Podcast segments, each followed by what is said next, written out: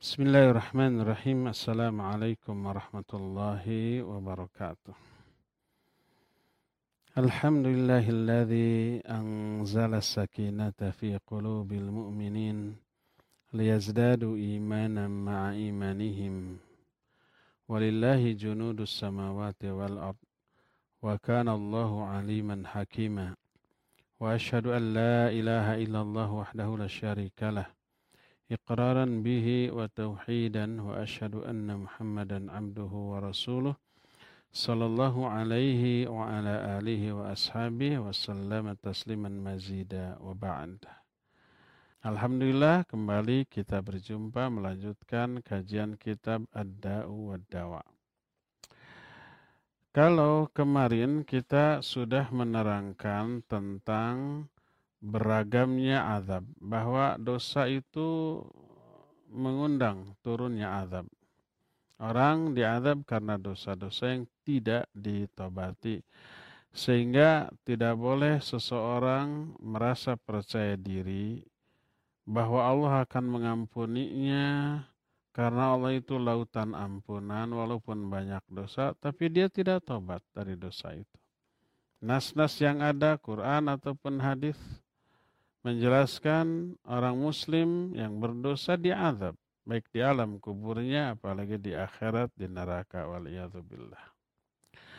Nah, sekarang kita akan bahas naqdu ahli ightirar, uh, kritik, koreksi kepada orang-orang yang tertipu dengan dunia dengan berbagai macam argumentasi yang mereka miliki kita luruskan, kita bantah argumentasi mereka. Manusia yang paling tertipu adalah manusia yang tertipu oleh dunia yang segera lalu lebih mengutamakan kepentingan dunia daripada akhirat.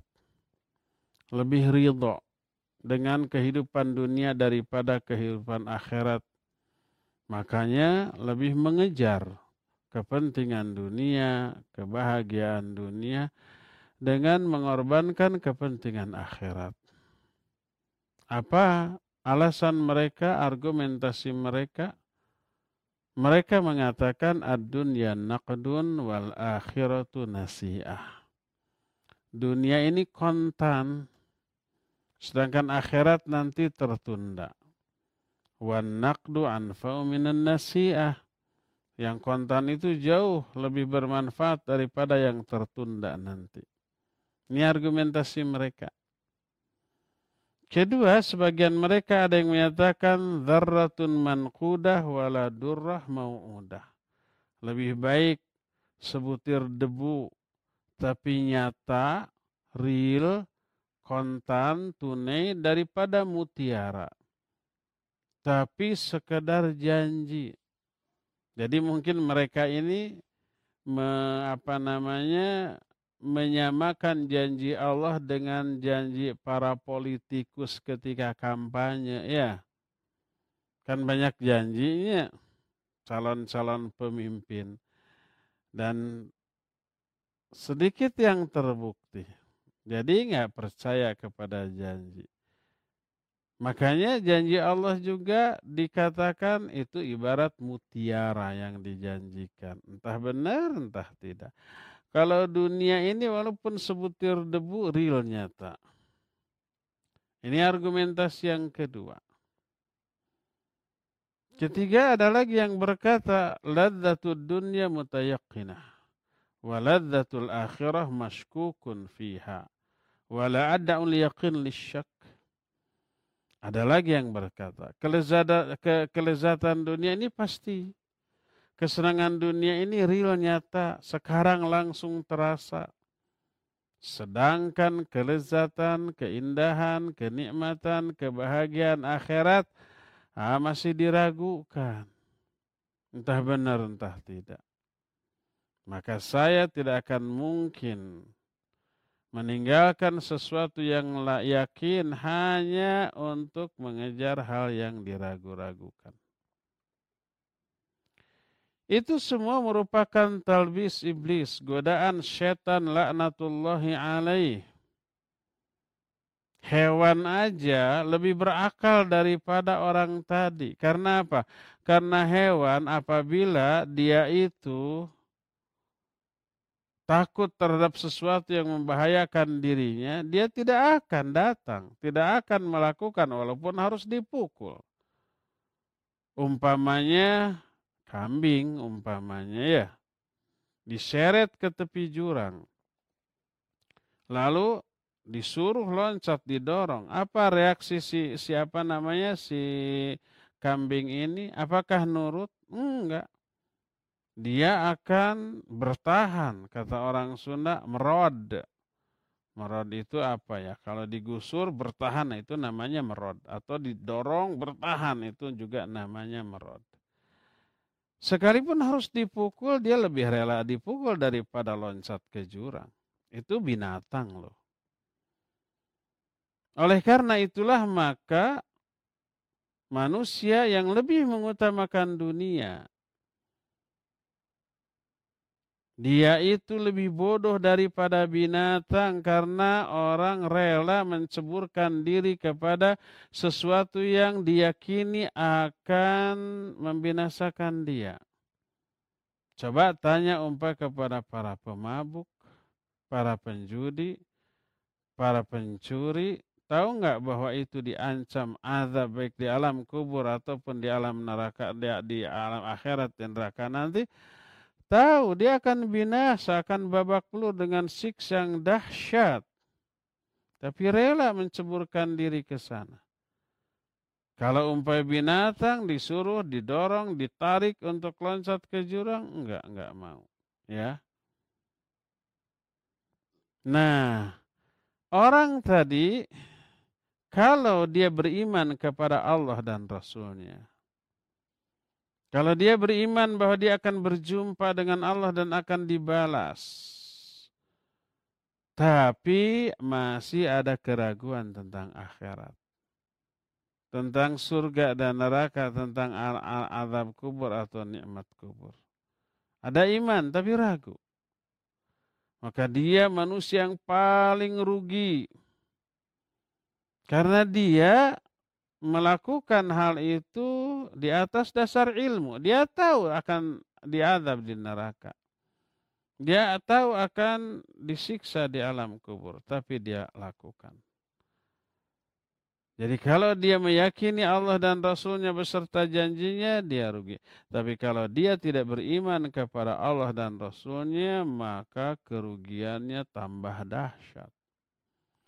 Bagaimanapun orang yang berdosa, padahal dia iman kepada Allah dan Rasulnya dan merasa berdosa dan diyakini akan peroleh azab dengan dosa itu bila tidak tobat, lebih mending. lebih enteng azabnya daripada orang yang dosa karena tidak yakin kepada adanya akhirat, tidak beriman kepada Allah dan Rasulnya. Ucapan orang yang menyatakan an-naqdu khairum minan nasi'ah yang kontan, yang tunai itu lebih baik daripada yang tertunda, yang nanti. Sehingga dari sini dia katakan lebih baik dunia daripada akhirat-akhirat nanti dunia masa sekarang. Kita jawab kalau antara yang kontan dengan yang tertunda itu sama, ya iya lebih baik yang kontan. Umpamanya nih, mau uang nih sejuta, mending sekarang atau mending tahun depan. Sama tahun depan juga seka, eh, sejuta. Atau mending nanti minggu depan. Sama sejuta, sekarang sejuta. Ya mending sekarang, kalau nilainya sama. Tapi kalau yang tertunda itu lebih gede, lebih banyak. Umpamanya nih, mending sekarang dikasih uang sejuta atau nanti mending minggu depan tapi dua juta. Atau bulan depan lagi 10 juta. Mending mana? Ya mending nanti yang 10 juta. Kita bisa bersabarlah. Mengirit pengeluaran sekarang demi 10 juta bulan depan. Lebih daripada, daripada sekarang tapi cuma sejuta seminggu juga habis. Maka ya kita lebih milih yang tertunda nanti asal lebih gede lebih banyak. Bayangkan kalau perbandingannya dunia dan akhirat. Dunia yang kontan, yang tunai, yang sekarang, ah nggak seberapa. Akhirat tertunda tapi wah Dijelaskan dalam sebuah hadis yang terdapat dalam Musnad Imam Ahmad dan Sunan At-Tirmidzi dari Mustaurid bin Asyadad radhiyallahu an bahwa Rasul sallallahu alaihi wasallam menyatakan mad dunya fil akhirati illa kama yudkhilu ahadukum isbahu fil yam falyanzur bima yarji. Tidaklah perbandingan dunia dibanding akhirat Kecuali tak ubahnya seperti salah seorang kamu memasukkan telunjuknya ke lautan lalu diangkat. Perhatikan air yang menetes kembali ke lautan. Nah satu tetes itu itu dunia, samudra yang luas itu akhirat.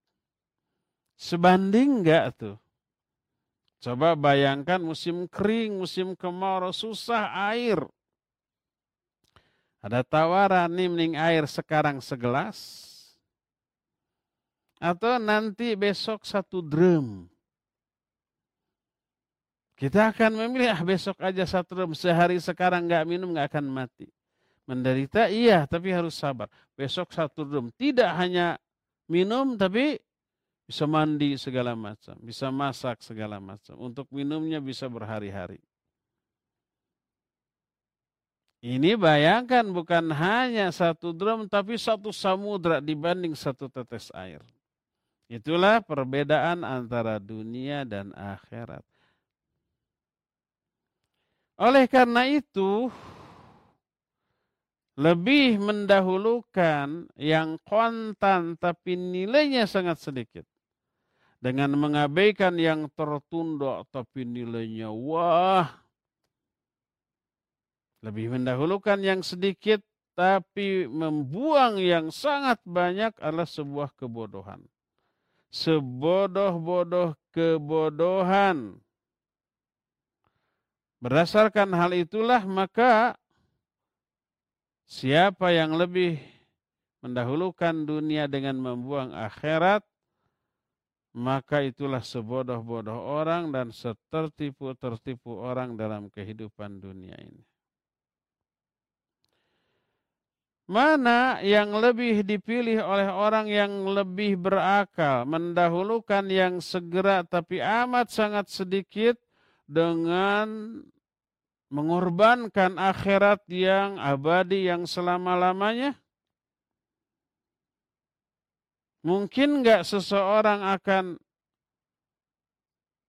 melakukan itu atau sebaliknya meninggalkan yang sedikit, yang fana, yang pasti akan musnah untuk mengambil sesuatu yang tidak ada bandingannya, yang tidak ada tandingannya dalam masalah harga, tidak ada akhirnya, tidak ada putusnya, tidak ada binasanya, tidak ada lenyapnya. Orang yang berakal pasti akan lebih memilih yang abadi. Baik kualitas atau kuantitas kenikmatannya tidak bisa dibandingkan dengan apa pun yang ada di dunia ini. Terbantahlah sudah orang yang menyatakan yang kontan lebih baik daripada yang tertunda. Kita bantah, iya kalau nilainya sama. Tapi kalau nilainya jauh berbeda, nggak bisa dibandingkan, ya ambil yang tertunda. Tapi banyak kok. Yang banyak luar biasa walaupun tertunda. Kehidupan di dunia ini sementara, nggak akan selamanya. Sebentar dibanding apa? Dibanding kehidupan setelah kehidupan ini. Kehidupan di alam barzah jauh lebih lama apalagi di akhirat nanti. Ini yang pertama. Kedua, koreksian kedua. Tadi dikatakan mereka berkata la atsruku mutayaqqinan limaskukin fihi Aku tidak akan meninggalkan sesuatu yang yakin, yang real, yang nyata untuk sesuatu yang masih diragukan. Kita jawab. Imma fayuqalu lahu imma an takuna ala syakkin min wa'dillahi wa wa'idihi wa sidqi rusulih au takuna ala yaqinin min dhalik fa in kunta ala yaqinin fama tarakta illa dharrah ajilah munqati'ah faniyah an qurbin li amrin mutayaqinin la syakka fihi wal la inqita'alah. Kita katakan kepada orang itu, kalau orang itu ragu terhadap janji Allah, terhadap ancaman Allah, terhadap kebenaran Rasulnya atau yakin nggak terhadap hal itu? Jadi orang yang berkata tadi, saya tidak akan meninggalkan hal yang saya yakini dari kehidupan dunia hanya untuk sesuatu yang masih diragukan yaitu akhirat. Apakah orang itu masih ragu kepada janji Allah, ancaman Allah, eh, kebenaran dari utusan dan risalahnya atau dia masih yakin? Kalau engkau yakin terhadap hal itu, yakinlah akhirat ada. Bahwa janji Allah itu benar, ancaman Allah itu juga benar. Maka meninggalkan dunia berarti hanya meninggalkan sebutir debu yang segera, yang akan terputus, yang akan fana, akan hancur dengan segera untuk meraih sesuatu yang diyakini yang tidak ada keraguan di dalamnya dan tidak ada putusnya, tidak ada musnahnya, yaitu akhirat. Itu pertama. Jadi apa sih yang dimaksud dengan ucapan orang tadi? Kenapa kamu mengejar dunia? Dia menjawab, saya mah tidak akan meninggalkan hal yang sudah saya yakini hanya untuk mengejar hal yang diragukan. Kalau omongan itu keluar dari orang yang yakin terhadap firman Allah kepada janji dan ancaman Allah, maka mendahulukan akhirat berarti meninggalkan debu, sebutir debu yang segera, yang pasti fana, pasti binasa, pasti hancur, tak akan lama lagi untuk mengejar akhirat yang meyakinkan, yang tidak ada keraguan di dalamnya, yang tidak ada putus-putusnya. Itu alternatif pertama. Alternatif kedua, wa in kunta ala syakin. Kalau memang kamu ragu, akhirat itu ada enggak? Janji Allah itu benar apa tidak gitu ya? Ragu nih. Faraji ayatir Rabb. Ad-dalati ala wujudihi wa qudratihi wa masyiatihi wa wahdiyanatihi wa sidqi rusulihi fima akhbaru bihi anillah wa tajarrudi wa tajarrudihi wa qum lillahi nadhiran aw munadhira hatta yatabayyana laka anna ma ja'at bihi ar-rusul salawatullahi alaihim anillah fahuwa al-haq alladhi la shakka fihi wa anna al-khaliqa hadha wa anna khaliqa hadha al-alam wa rabb as-samawati wal ard yata'ala wa yataqaddasu wa yatanazzahu an khilafin ma akhbarat bihi rusuluhu an kalau engkau ragu, coba telaah kembali ayat-ayat Allah. Ayat kauniyah yang ada di alam ini dan ayat kauliyah berupa wahyu Al-Quran dan hadis Nabi yang sahih. Telah lagi. Semua itu menunjukkan keberadaan Allah, kekuasaan Allah, keesaan Allah, juga menunjukkan kebenaran risalah yang dibawa oleh para rasulnya yang menginformasikan dari Allah. Coba berdiskusi, coba bertukar pikiran tentang hal itu secara jernih sampai jelas kepadamu bahwa apa yang dibawa oleh para rasul alaihi wassalatu wassalam dari Allah itu benar yang tidak ada keraguan lagi di dalamnya. Bahwa pencipta alam ini, penguasa langit dan bumi ini yang maha tinggi, maha suci, itu benar-benar persis seperti yang dituturkan di dalam Al-Quran dan As-Sunnah tersebut. Maka dengan menelaah akan hilang keraguan-raguan. Akan muncul keyakinan sehingga kembali kepada poin yang pertama tadi. Kalau yakin akan janji Allah, yakin akan ancaman Allah, yakin akan keterangan dari Allah tentang adanya akhirat, adanya surga, adanya neraka, maka meninggalkan dunia demi meraih akhirat itu ibarat meninggalkan sebutir debu yang kecil, yang sedikit, yang pasti hilang, pasti fana, pasti musnah untuk mengejar sesuatu yang sangat besar, agung, yang tidak akan pernah ada putusnya. Tapi sekarang siapa yang tidak meyakini itu? Setelah menelaah, setelah berdiskusi, tidak yakin bahwa Allah pencipta alam semesta ini. Hatinya disesatkan oleh Allah Azza wa Jalla. Maka itu sama dengan mencela Allah, mendustakan Allah, mengingkari kerububiahan Allah mengingkari kerajaan dan kekuasaan Allah. Sebab mustahil setiap orang yang memiliki fitrah yang selamat meyakini bahwa Allah penguasa ini lemah, jahil, tidak tahu apa-apa, tidak mendengar, tidak melihat, tidak berbicara, tidak memerintahkan dan tidak melarang, tidak memberikan balasan ataupun tidak mengadab, tidak memuliakan ataupun tidak menghinakan, tidak mengutus utusannya ke seluruh daerah kekuasaannya, tidak peduli kepada keadaan rakyatnya tapi meninggalkan rakyatnya itu semau mereka. Ini kan sesuatu yang mustahil. Dia meyakini ya Allah ada betul. Allah Maha Pencipta ya. Tapi sudah begitu aja. Kata orang Sunda, culjen. Culjen itu apa ya? Ya ditinggalkan begitu sudah, sudah membuat alam jagat raya ini, sudah membuat alam semesta, menciptakan makhluknya, lalu biarkan semau mereka. Tidak ngatur, tidak memelihara, tidak memantau, tidak memerintahkan, dan tidak melarang. Andai ini andai ada seorang penguasa di sebuah negara. Dia itu tidak peduli kepada urusan rakyatnya. Tidak ada aturan.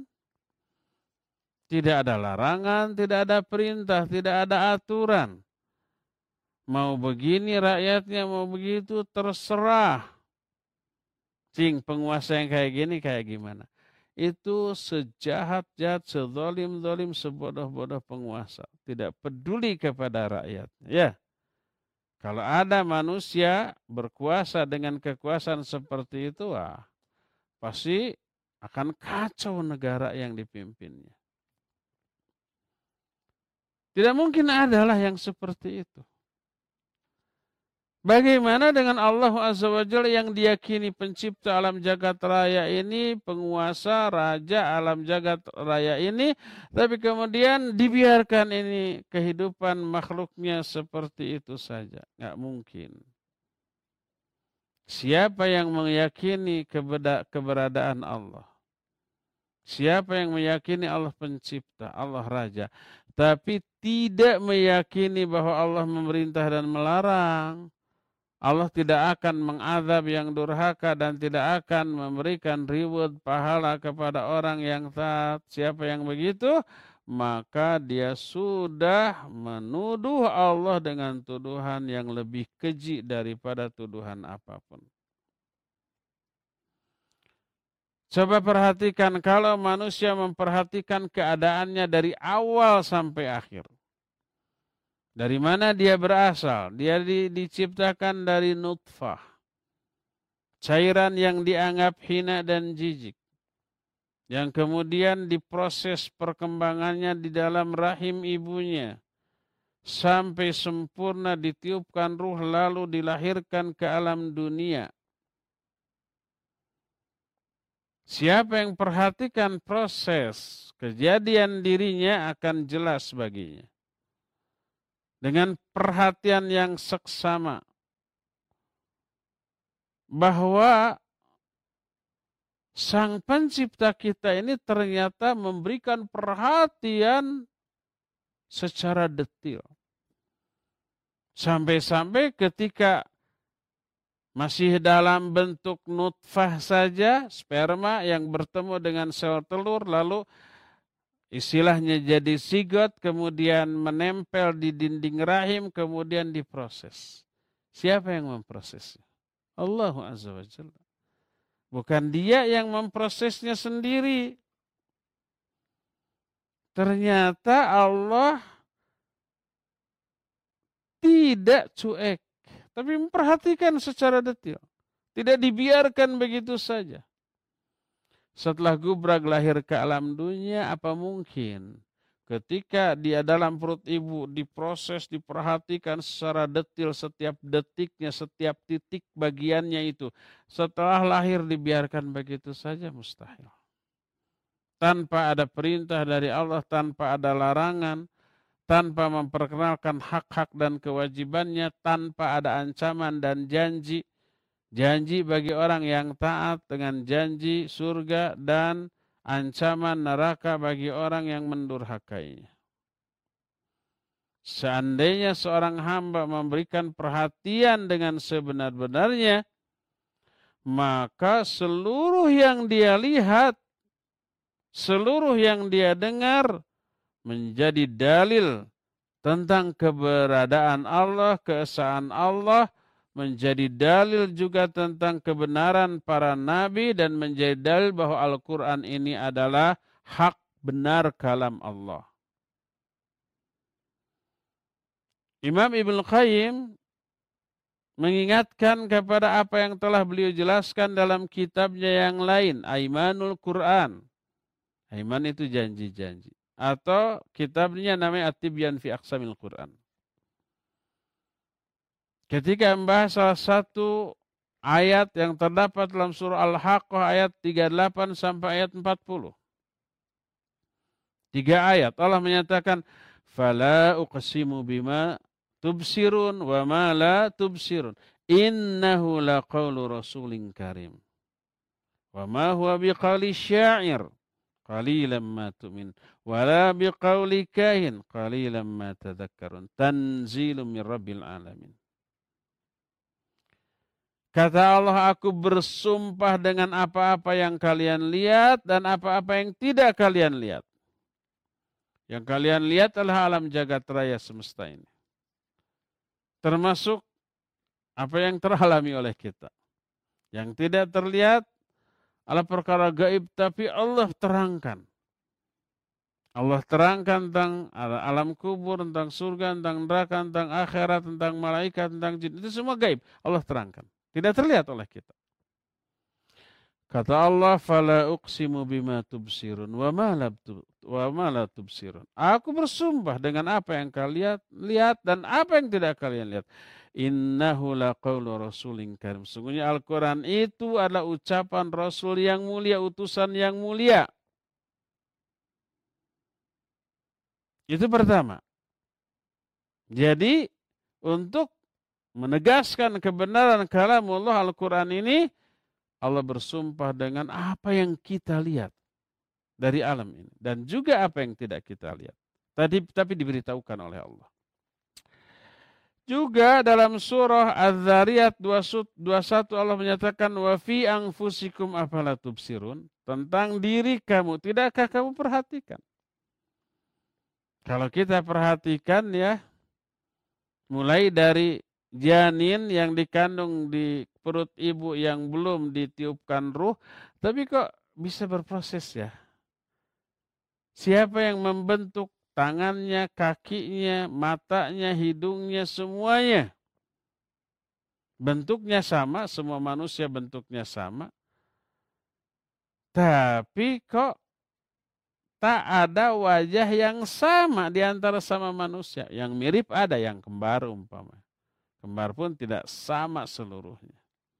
Ada saja yang berbeda. Nah yang tidak kembar walaupun saudara kandung beda-beda segala-galanya tuh. Hidungnya mungkin sama, pesek semua atau mancung semua karena orang tuanya juga pesek atau mancung. Matanya sama seperti itu. Bibirnya bentuknya sama, tapi kok wajahnya kok beda ya? Miliaran, triliunan orang tidak ada yang sama wajahnya. Siapa yang memprosesnya? Allah Azza wa Jalla tentu saja. Allah ingatkan wa fi anfusikum afala tubsirun. Tentang dirimu tuh. Tidakkah kamu perhatikan? Manusia diri mereka sendiri menjadi dalil tentang keberadaan pencipta kita. Tidak hanya ada tapi juga asa. Tidak hanya ada dan asa tapi Sang pencipta itu juga sudah mengirim utusannya kepada kita. Dan utusannya ini yang memberitahukan segala hal. Dan menuntun kita untuk berpikir. Ayat wa fi anfusikum afala tubsirun tentang dirimu tidakkah kamu perhatikan? Itu para rasul yang menyampaikan yang membuat kita berpikir, oh iya. Maka jelaslah bahwa orang yang mengabaikan Al-Quran dia tertipu dari dua sisi. Pertama, dari sisi harusnya dia itu ya berkewajiban meyakininya dan membenarkannya dan tidak mendustakan atau meragukannya. Berdasarkan hal itulah maka Tak ada alasan sedikit pun untuk ragu, apalagi tidak percaya kepada akhirat yang dijelaskan oleh Allah Azza wa dalam Al-Quran Al-Karim. Kalau ada pertanyaan, kenapa orang banyak yakin kepada akhirat, tidak ragu terhadap adanya surga dan neraka, tapi kok amalnya asal-asalan? Ada yang begitu enggak?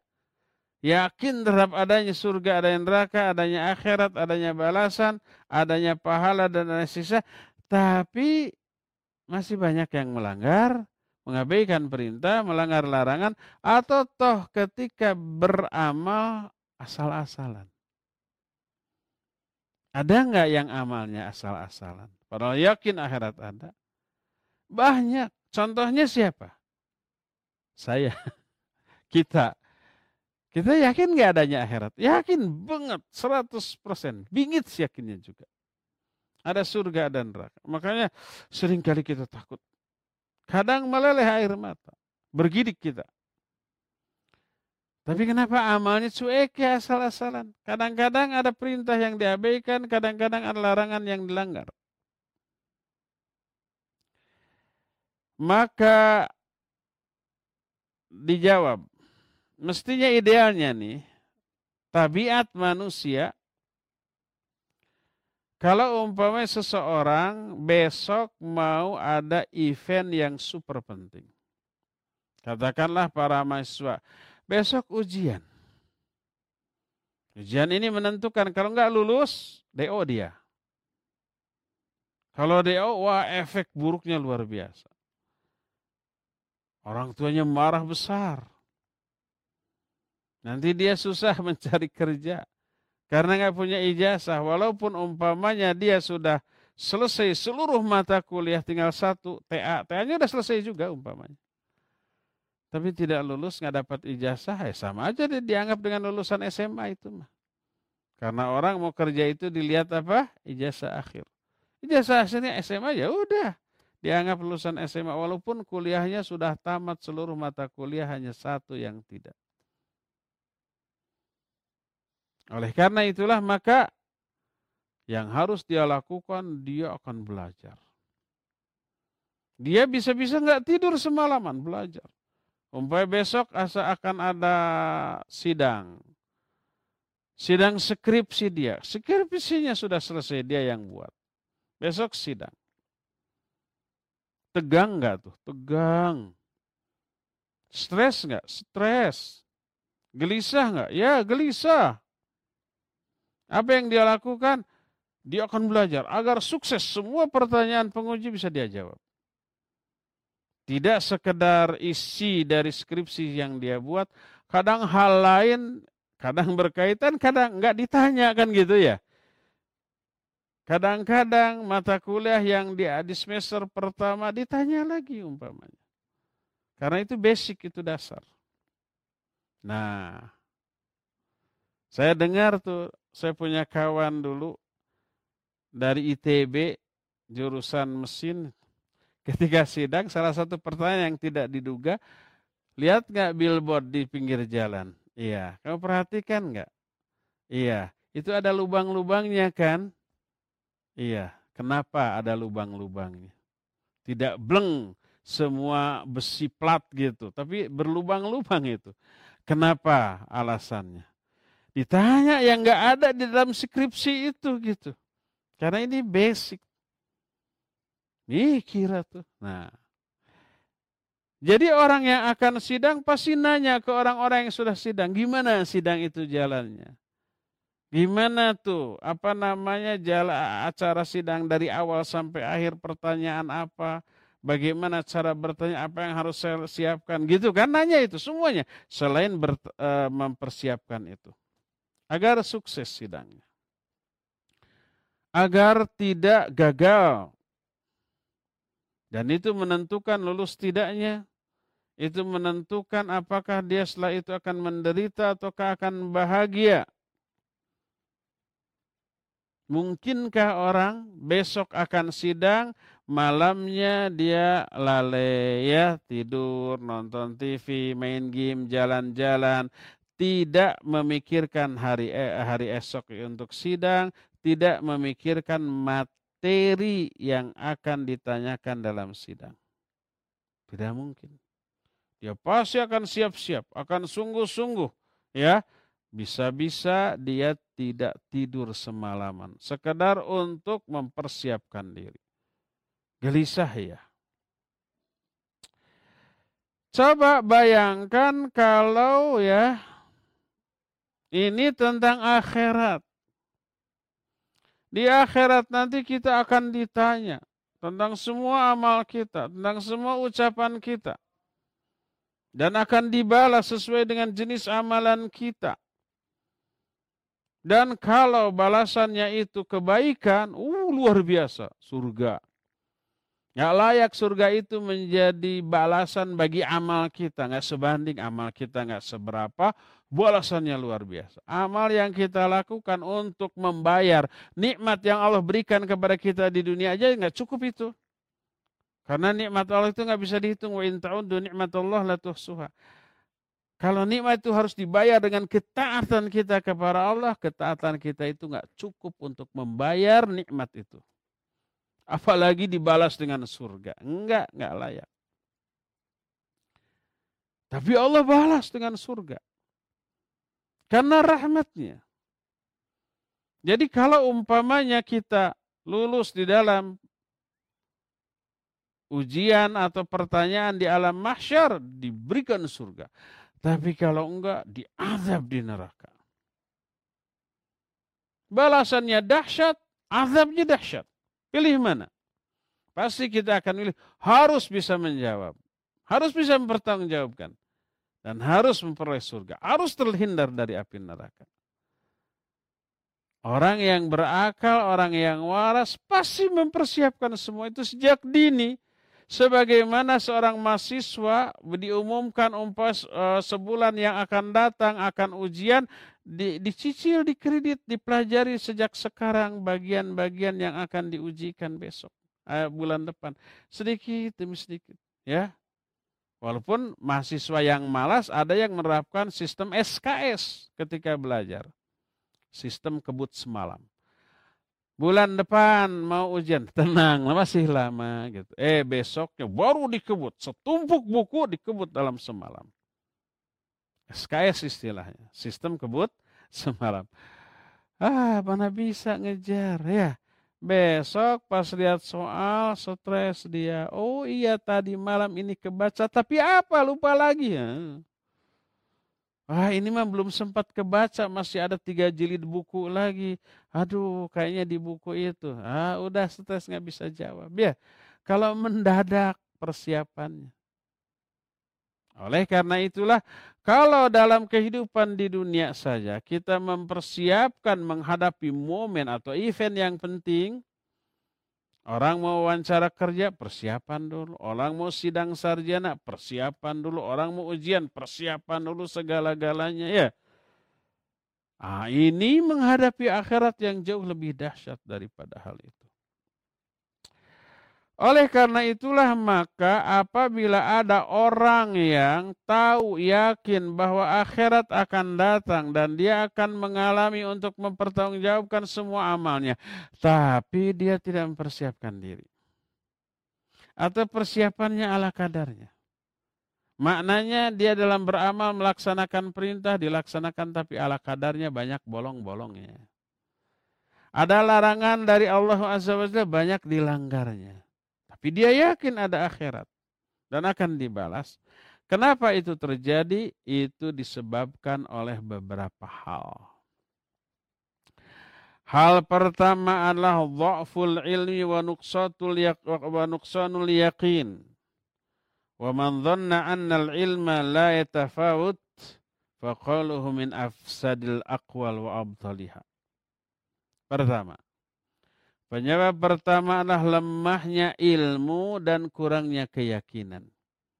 Ilmu tentang Allah kurang, ilmu tentang akhirat kurang, informasi tentang bagaimana dahsyatnya kiamat, bagaimana hisab, bagaimana timbangan, bagaimana sirat, bagaimana surga dan neraka, itu kurang. Karena kurang ilmu, keyakinan tentang hal ini juga kurang. Kalau kurang ilmu, kurang keyakinan, dorongan beramal juga kurang. Makanya amalnya ala kadarnya. Benteng untuk menolak berbagai macam godaan juga kurang lemah, gampang ditembus. Makanya banyak melanggar larangan tuh. Siapa orang yang memiliki pandangan bahwa ilmu ini tidak berbeda-beda, tidak bertingkat-tingkat, ilmu orang itu sama, maka dia keliru. Ucapannya serusak-rusak dan sebatil-batil ucapan. Ilmu orang itu beda-beda dan melahirkan keyakinan yang berbeda-beda. Kadarnya banyak sedikitnya berbeda-beda. Melahirkan keyakinan kuat atau lemahnya juga berbeda-beda. Sedikit ilmu melahirkan keyakinan yang lemah. Banyak ilmu melahirkan keyakinan yang kuat. Nih, Nabiullah Ibrahim alaihissalatu wassalam. Minta tambahan ilmu kepada Allah dengan cara lain. Yaitu ya Allah perlihatkan kepadaku bagaimana caranya engkau menghidupkan orang yang sudah mati. Nabi Ibrahim sudah tahu, sudah yakin bahwa nanti semua yang mati itu akan dihidupkan kembali oleh Allah. Tapi ingin tambah yakin dengan cara tambahan ilmu. Allah bertanya, afalam tu'min, kamu belum iman? Bahwa kami nanti akan menghidupkan lagi orang yang sudah mati? Dijawab, bala. Saya sudah iman. Walakin lihat ma'inna qalbi, tapi lebih, untuk lebih memantapkan hati saya. Bayangkan Nabi Ibrahim meminta kepada Allah kadar tambahan ilmu untuk memberikan tambahan keyakinan. Dalam salah satu hadis yang terdapat dalam Musnad Imam Ahmad. Nabi SAW menyatakan, Laisal mukhbir kal mu'ayin. Orang yang memberi informasi itu tidak sama dengan orang yang melihat langsung. Melihat kejadian langsung dan orang yang hanya dengar berita, ya beda. Yang melihat itu jiwanya juga ikut hanyut dalam peristiwa itu. Sehingga tambah apa? Tambah menghayati. Coba bayangkan, ada kebakaran, kita lihat langsung. Langsung mendengar gelegaknya api, langsung merasakan hawa panas walaupun dari kejauhan. Langsung melihat orang-orang berteriak ke sana kemari takut gitu ya. Uh, menyaksikannya juga sampai gemeter, deg-degan. Lalu berkembang pikiran, oh, jangan-jangan merembet. Kalau merembet saya terkepung api, saya harus keluar. Ah, gitu. Berbeda dengan orang yang hanya mendengar berita. Tadi di sana itu ada kebakaran begini-begini. itu jiwanya nggak ikut hanyut dalam kasus itu. Penghayatannya kurang. Kalau hanya sekedar dengar berita. Berbeda dengan menyaksikan. Allah memberitahukan bahwa Allah itu nanti akan menghidupkan kembali orang yang sudah mati. Prosesnya juga diterangkan dalam Al-Quran dan Sunnah. Tapi Nabi Ibrahim minta, tolong diperlihatkan caranya. Bukan nggak yakin, sudah yakin, tapi ingin tambah yakin. Menunjukkan ada perbedaan keyakinan antara sebelum melihat dengan setelah melihat. Nah, apalagi ditambah dengan aspek lain. Pertama, lemahnya ilmu. Tidak adanya penghayatan. Gaib atau jauhnya semua yang dijelaskan itu dari hati. Terus orang itu lebih sibuk dengan hal yang sebaliknya dari akhirat. Lebih sibuk dengan dunia. Kemudian ada hawa nafsu yang mendominasi. Ada syahwat yang menguasai. Ada tipuan setan. Terus janji yang Allah berikan juga tidak segera tapi ditunda nanti. Ditambah ada panjangnya angan-angan, ditambah dengan kelalaian yang menguasai dirinya, ditambah dengan cinta dunia yang segera, ditambah dengan adanya hasutan dari setan kefikirannya mencari-cari alasan dan banyak lagi perkara-perkara lain yang menyebabkan bahwa dia itu dalam realita kehidupannya menjadi lalai. Sedikitnya ilmu, sedikitnya keyakinan, tambah adanya hawa nafsu, tambah adanya cinta dunia, tambah adanya godaan setan, oh segala macam. Akhirnya orang-orang yang yakin terhadap adanya surga neraka, adanya akhirat pun masih tetap lalai. Kalau beramal ala kadarnya. Kalau melihat, melihat ada yang disenangi walaupun haram, masih saja dilakukan. Itu karena hal-hal tadi. Dari sinilah Manusia berbeda-beda tingkatan ilmunya, tingkatan keyakinannya, berbeda-beda juga amalnya, sampai ada juga orang yang memiliki ilmu yang lebih sedikit, lebih kecil daripada debu, melahirkan keyakinan yang super lemah dan melahirkan motivasi yang lemah juga untuk beramal sehingga amalnya sangat sedikit kadang-kadang amalnya ditinggalkan kalau toh dilaksanakan ala kadarnya dan lemah pula pertahanan terhadap godaan sehingga dia berani melanggar apa yang dilarang oleh Allah Subhanahu wa taala.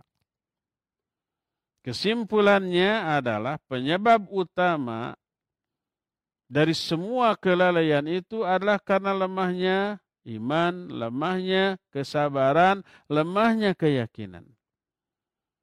Makanya Allah Azza wa Jalla memuji orang-orang yang sabar dan yakin. Yakin ini lahir dari apa?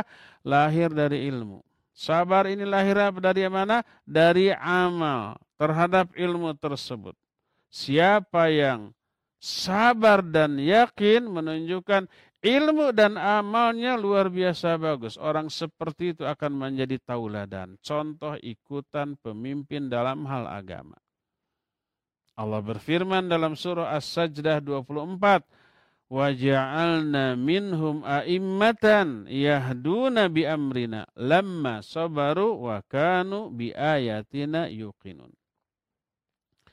Kami jadikan di kalangan manusia imam-imam, pemimpin-pemimpin yang memberi petunjuk kepada perintah kami.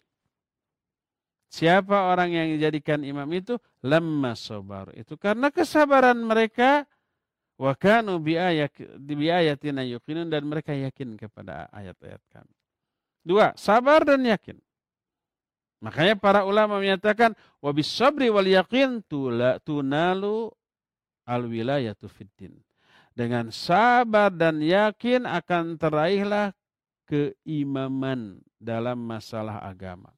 Maknanya keimaman dalam masalah agama dia akan dijadikan ikutan dalam perkara agama. Walaupun dia bukan pemimpin dalam bidang sosial, dalam bidang politik, RT pun enggak. Tapi diikuti ucapannya, diikuti perbuatannya. Seperti para imam, para ulama.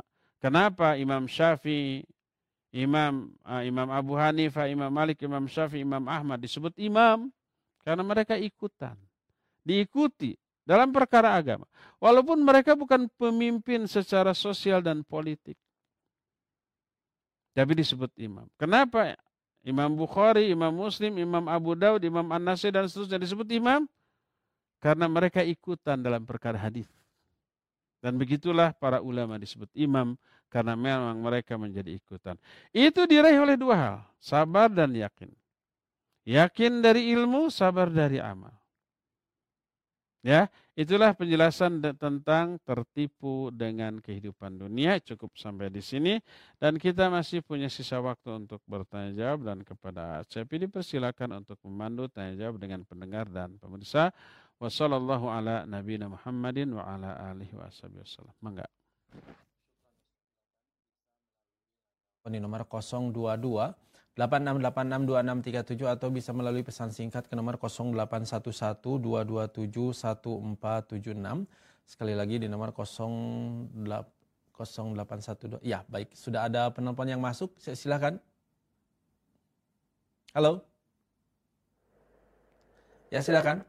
Assalamualaikum warahmatullahi wabarakatuh. Waalaikumsalam warahmatullahi wabarakatuh. Silakan Bapak. Ustaz, saya mau tanya. Ya orang yang tertipu kehidupan dunia itu banyak. Tapi yang banyak ilmunya agama juga ada. Bagaimana seperti yang sudah banyak ilmunya menjabat di pemerintah, tapi ternyata masih menginginkan kehidupan dunia.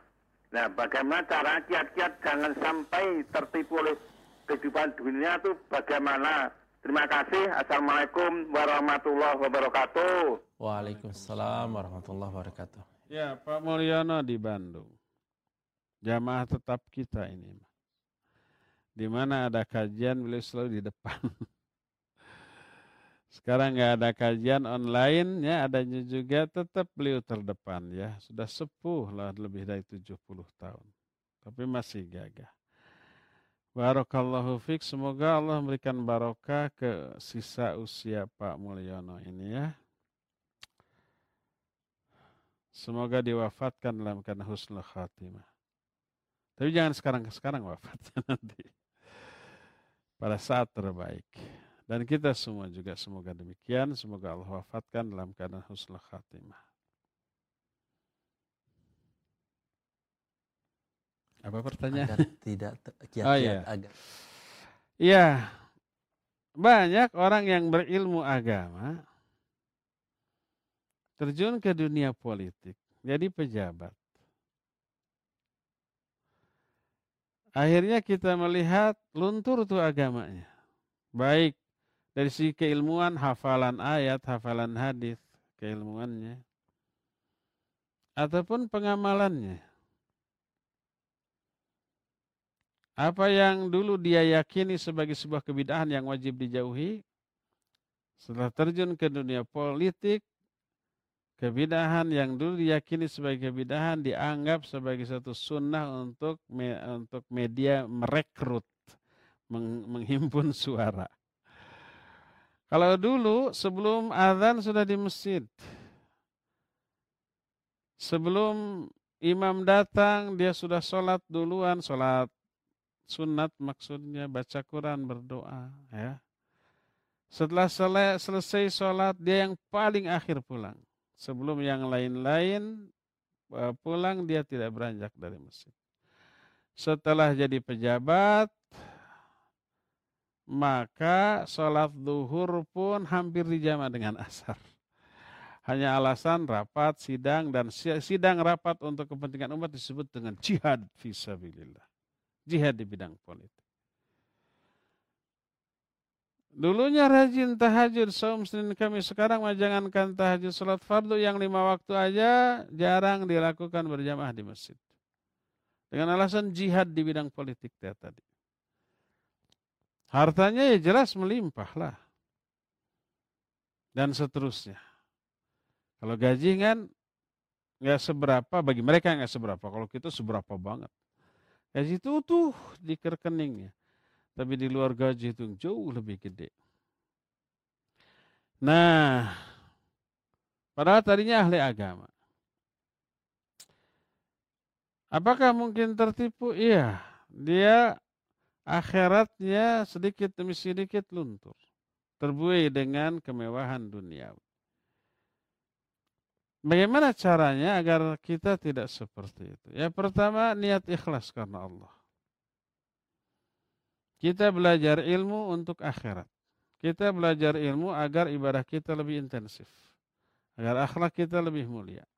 Agar uh, ibadah kita lebih bagus baik dari segi kualitas ataupun kuantitas. Agar kita lebih mendahulukan akhirat daripada dunia. Tujuannya itu. Makanya berkata Imam Ahmad, kata beliau al ilmu la ya'diluhu syai'un la ya'dilu syai'un in sahhatin niyah. Ilmu itu nggak ada bandingannya. Kalau niatnya benar. Ilmu itu tidak ada yang menandinginya. Kalau niatnya benar. Ditanya kaifa dzalik? Bagaimana niat yang benar itu? Beliau menjawab yanwi raf'al jahli an nafsihi wa an ghairi. Dia meniatkan mencari ilmu untuk menghilangkan kebodohan dari dirinya dan dari diri orang lain. Jadi niatkan ilmu itu untuk akhirat ilmu untuk meraih apa-apa yang ada di sisi Allah bukan untuk meraih dunia. Jangan menjadikan ilmu sebagai alat untuk meraih dunia. Berkata Rasul sallallahu alaihi wasallam bihil apa namanya la ta'allamul ilma litubahu bihil ulama. Wala takhayyaru bihil majalisa. Jangan kamu mencari ilmu agar kamu ini berbangga-bangga disebut ulama. Atau jangan mencari ilmu dalam rangka mendebat orang-orang bodoh dengan orang-orang bodoh. Untuk mendebat orang-orang bodoh. Dan juga jangan sampai mencari ilmu agar kalian terpilih dalam majelis-majelis. Untuk dunia pokoknya. Faman fa'ala dhalik fannar fannar fannar. Siapa yang melakukan itu neraka, neraka, neraka. Man ta'allama ilman mimma yubtagha bihi Allah azza wa jalla la yata'allamuhu illa liyusiba bihi arada minad dunya lam yajid arfal jannah yaumil qiyamah. Siapa orang yang mempelajari suatu ilmu yang Allah ridhoi. Ilmu yang hanya boleh ditujukan untuk Allah. Tapi dia tidak mempelajari ilmu itu kecuali untuk kepentingan dunia. Dia tidak akan mencium baunya surga di akhirat nanti. Alias ke neraka. Inilah yang dimaksud dengan hadis yang diriwayatkan oleh Imam Muslim dalam sahihnya Inna Allah la yu'aidu hadzal din bi rajulin fajir. Allah akan menolong agama ini dengan orang durhaka. Allah akan menguatkan agama ini melalui orang durhaka. Apa maksudnya? Apakah nanti agama ini akan dibela, dibantu dengan ahli maksiat? Dengan para pemabuk, dengan para penjudi, para pezina, para maling membela agama Allah? Bukan, bukan itu. Kata Imam Ibnu Jauzi rahimahullah, maksud Allah akan menguatkan agama ini dengan seorang durhaka, maksudnya ulama. Berang berilmu, tapi niatnya rusak. Itu durhaka. Belajar ilmu, mengajarkan ilmu untuk dunia, itu maksiat. Tidak ikhlas. Jangankan mencari ilmu, sholat aja. Tapi tidak ikhlas, ria umpama. Fawailul musallin. Alladzina hum an sholatihim alladzina hum yura'un. Yang ria itu wail, itu sholat. Termasuk mencari ilmu. Niatnya tidak ikhlas, tidak karena Allah, bukan untuk akhirat. Dan itu yang menjadi penyebab orang mati dalam keadaan apa? Su'ul khatimah.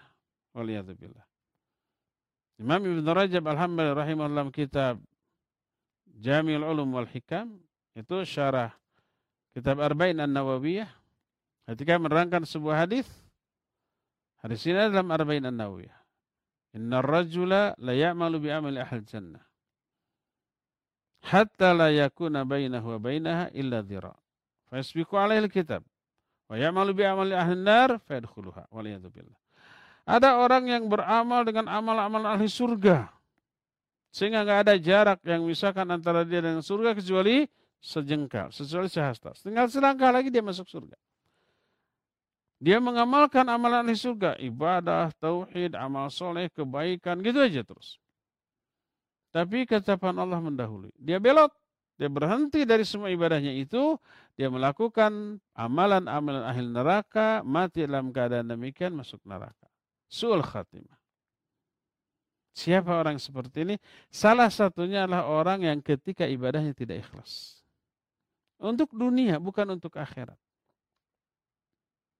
Nah, itu menjadi penyebab su'ul khatimah. Ulama, orang berilmu, mendakwahkan ilmunya, mengajar orang, tapi untuk dunia. Islam terkuatkan nggak? Terkuatkan. Banyak orang dapat hidayah. Banyak orang yang tanya Ahli maksiat menjadi ahli taat. Yang bid'ah menjadi sunnah. Yang muslim, yang kufur menjadi muslim. Yang syirik menjadi tauhid. Banyak. Dengan ilmunya, dengan dakwahnya. Tapi untuk dunia. Niatnya yang tidak ikhlas. Allah kuatkan agama dengan orang fajir seperti dia sendiri celaka. Walaupun umat banyak tertuntun dan agama menjadi kuat. Ini yang dimaksud.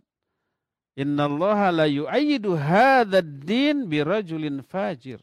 Allah akan menguatkan agama ini dengan seorang laki-laki durhaka. Yaitu orang yang aktif ibadah, aktif dakwah, tapi tidak karena Allah, tapi untuk dunia. Jadi pertama, niatkan mencari ilmu untuk akhirat. Maka insya Allah kalau niatnya mencari ilmu untuk akhirat, ada godaan ini, godaan itu nggak akan tergoda. Nah ibu-ibu atau para jamaah terutama yang berduit ini mengajak ustadz ke ajakan yang bertolak belakang dengan apa yang diajakkan oleh ustadz. Para ustadz mengajak manusia untuk tidak mengejar dunia tapi agar mengejar akhirat. Tapi banyak jamaah yang menyeret ustadz untuk menikmati kemewahan dunia. Ada nggak yang begitu? Ada ya. Ustadz-ustadz yang harus waspada tuh. Jangan sampai hidup ustadz itu hidup di bawah ketiak para orang kaya. Dakwahnya nanti diatur. Gimana orang kaya? Gini, gini, gini. Kalau enggak, enggak akan saya bantu. Emangnya kita butuh dengan bantuan mereka? Tidak. Allah yang mengatur siapa yang layak membantu dakwah ini. Orang kaya tapi jahil mau mengatur dakwah. Aduh, dalam segala hal. Kalau orang tidak tahu lalu ikut campur itu lebih banyak merong-rong merusak. Coba umpamanya ibu-ibu lagi masak. Ada anak kecil, anaknya usia eh, SD atau TK 5 tahun, 6 tahun, ikut masak, ikut apa namanya nyiksik bawang gitu, ngiris bawang gitu. Da kawur itu ya, dikasih pisaunya, dikasih bawangnya. Uh, bukannya diiris tipis-tipis malah dipek-prek gitu, pejet. Terat kakeret, apa kakeret itu terkerat, ter terluka, jadi nangis. Tambah masalah.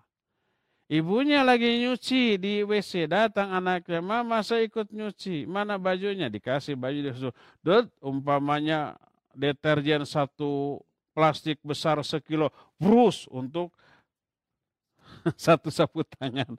Oh, liar tuh. Jadi tambah menghambat. Orang bodoh ikut campur, tambah menghambat.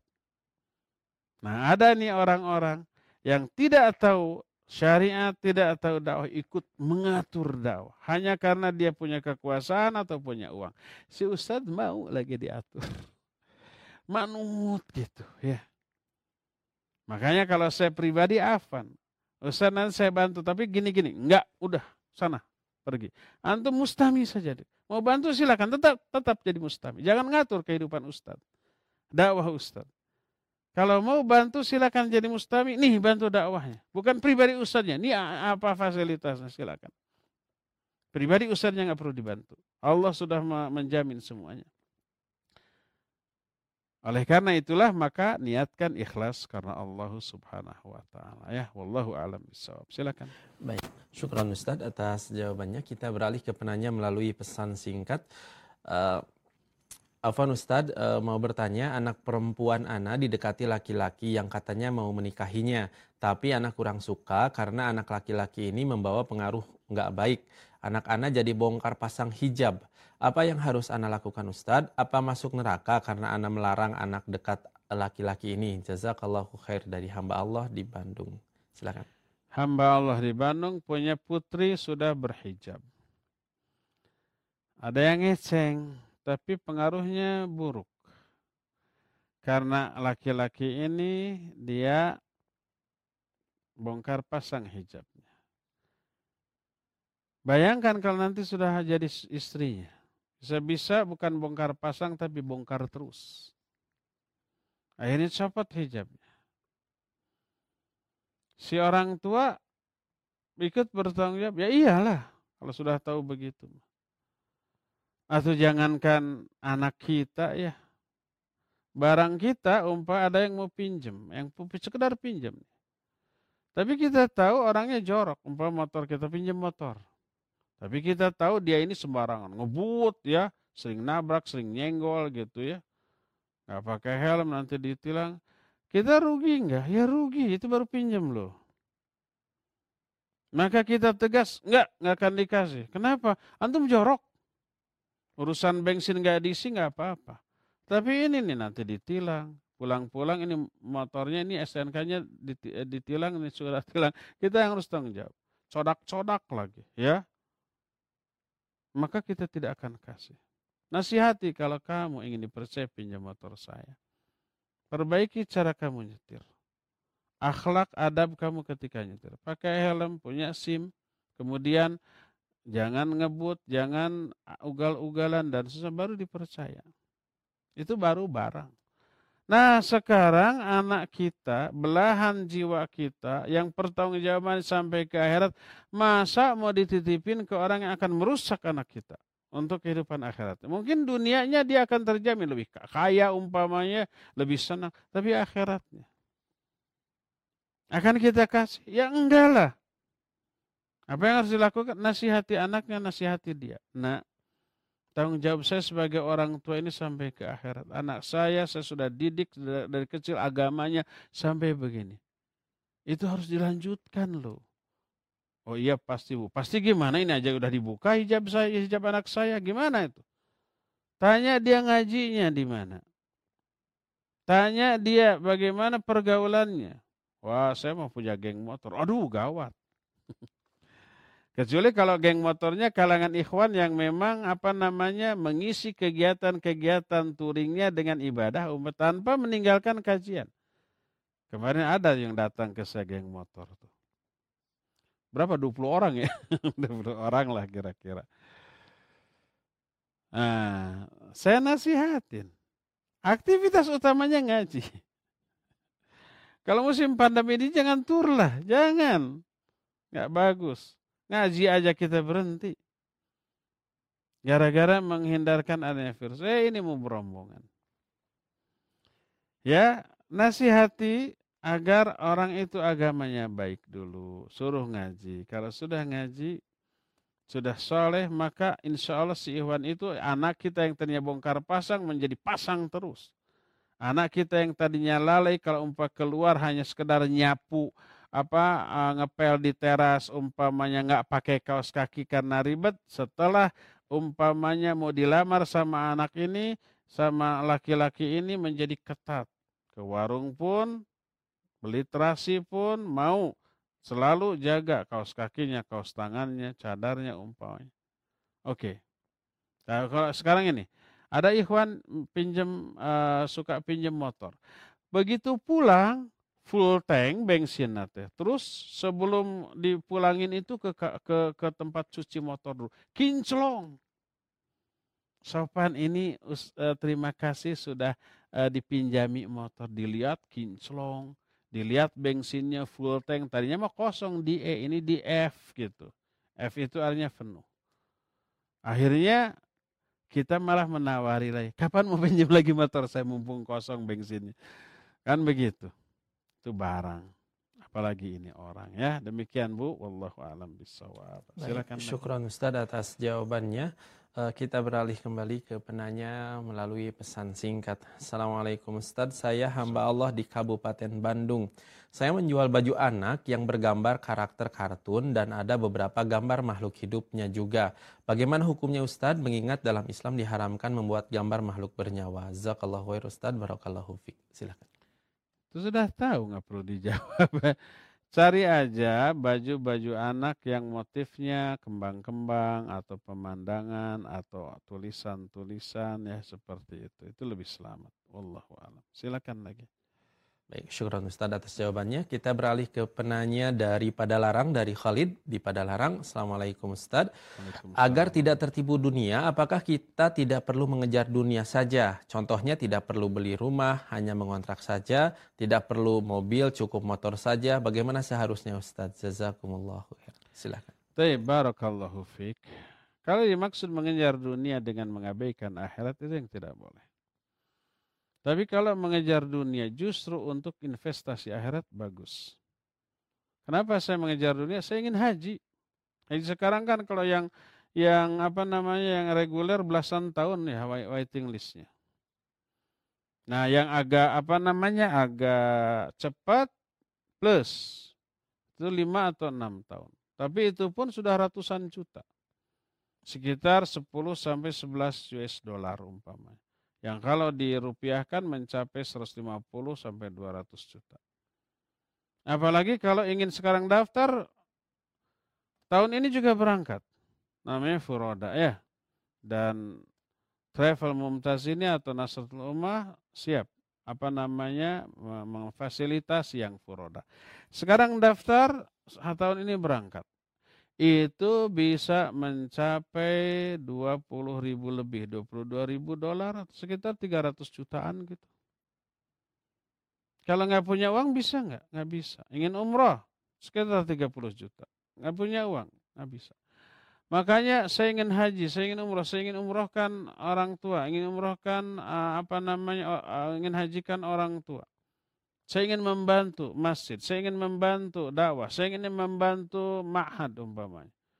Untuk punya. Untuk itulah saya kejar dunia, saya ingat, tanpa mengabaikan akhirat. Saya tetap mengaji rutin, saya tetap sholat lima waktu di masjid gitu ya. Saya tetap hafalan Al-Quran nambah minimalnya tetap gitu. Saya tetap ikut halakoh-halakoh tahfidul Quran ya. Tapi tetap saya mengejar dunia. Untuk apa? Bukan untuk bersenang-senang. Mobil perlu ya perlulah. Untuk apa ya? Untuk umpama keluarga kepentingan keluarga ngaji kalau hujan nggak bisa motor. Nggak bisa pakai motor. Anak dua aja sudah nggak layak pakai motor tuh ya. Mobil untuk kepentingan dunia. Eh untuk kepentingan akhirat. Untuk kepentingan agama. Kalau umpama mengejar dunia untuk bisa berinvestasi lebih baik di akhirat ya dengan cara zakat, infak, sodakoh, membantu dakwah untuk haji umroh, untuk membantu pondok pembangunan pondok pesantren, masjid dan seterusnya itu bagus. Adapun yang terlarang adalah mengejar dunia sampai melalaikan akhirat dan bisa menyebabkan dia terjerumus ke dalam berbagai macam dosa dan kemaksiatan karena dunia yang sudah diarai. Ya, wallahu alam. Terakhir ya.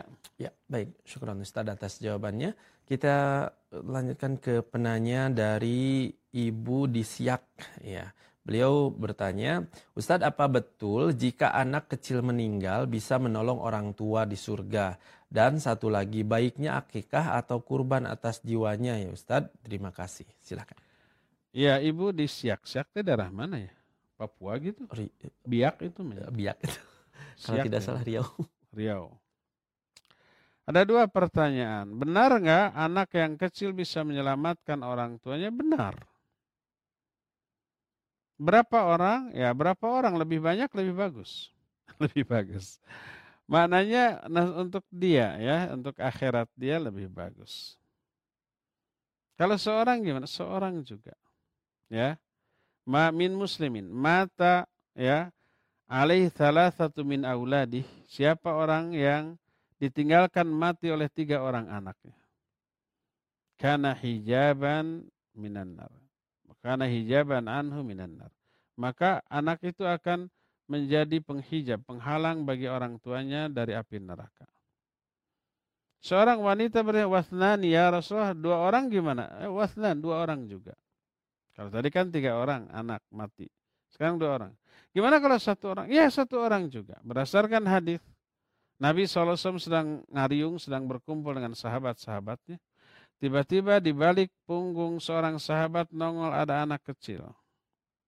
Malu-malu kucing, malu-malu anak kecilnya oleh bapaknya diambil di pangku, kemudian ditatap, diusap, diciumi kayak yang sayang. Bukan kayak, memang sayang. Kata Rasulullah SAW, hal tuhibbu, apa kamu mencintai anakmu ini? Dia menjawab, Ya Rasulullah, ahabbakallah kama ahbabtuh. Wahai Rasulullah, semoga Allah mencintai engkau sebagaimana aku mencintai anakku ini. Cintanya bingit gitu ya. Esok harinya biasa berkumpul lagi, sahabat yang kemarin bawa anak itu nggak ada. Ditanya ke mana? Kata sahabat lain, ya Rasulullah anak yang engkau lihat kemarin itu meninggal. Ayahnya sekarang sedang berduka. Langsung Nabi SAW bangkit, kemudian berjalan menghampiri eh, rumah orang itu. Para sahabat juga ikut. Lalu dihibur. Kata Nabi SAW, Ayuhuma ahabbu ilaik. Mana yang lebih kamu suka? Anak itu hidup panjang dan engkau ber, bersenda guru bercengkrama dengan dia seumur hidupmu atau anak itu pergi mendahuluimu dan menunggumu di pintu surga. Kemudian membawa masuk ke surga nanti. Mana yang lebih kamu sukai? Orang itu menjawab, Ya Rasulullah, kalau anakku pergi mendahului aku, menungguku di pintu surga dan menuntunku ke surga nanti, lebih aku sukai daripada anakku yang hidup hidup terus. Kata Nabi alaihissalam, demikian anakmu sekarang. Dia menunggumu di pintu surga dan kelak menuntunmu masuk surga. Menghibur ya.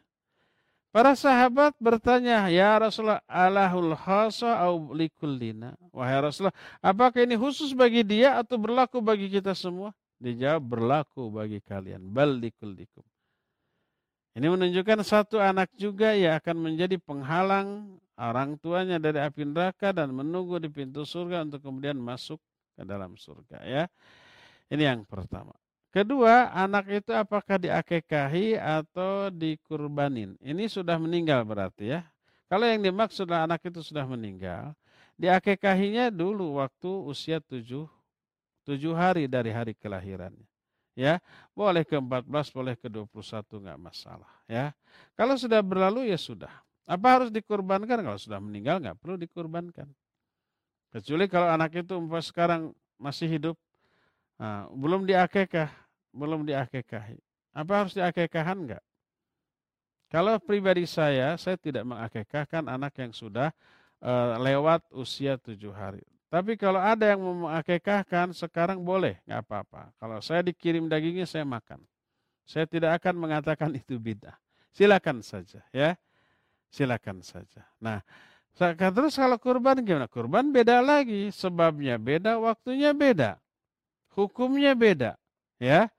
Maka kalau setiap tahun datang kurban, ya dan kita punya kemampuan kurban. Walaupun kita dulu nggak belum akekah nggak masalah, nggak ada hubungan antara kurban dengan akekah. Ya. Cukup sampai di sini. Subhanakallahum bihamdik asyhadu an la ilaha illa anta astaghfiruka wa atubu ilaik walhamdulillahi rabbil alamin wa sallallahu ala nabiyina Muhammadin wa ala alihi wa wasallam. Wassalamualaikum warahmatullahi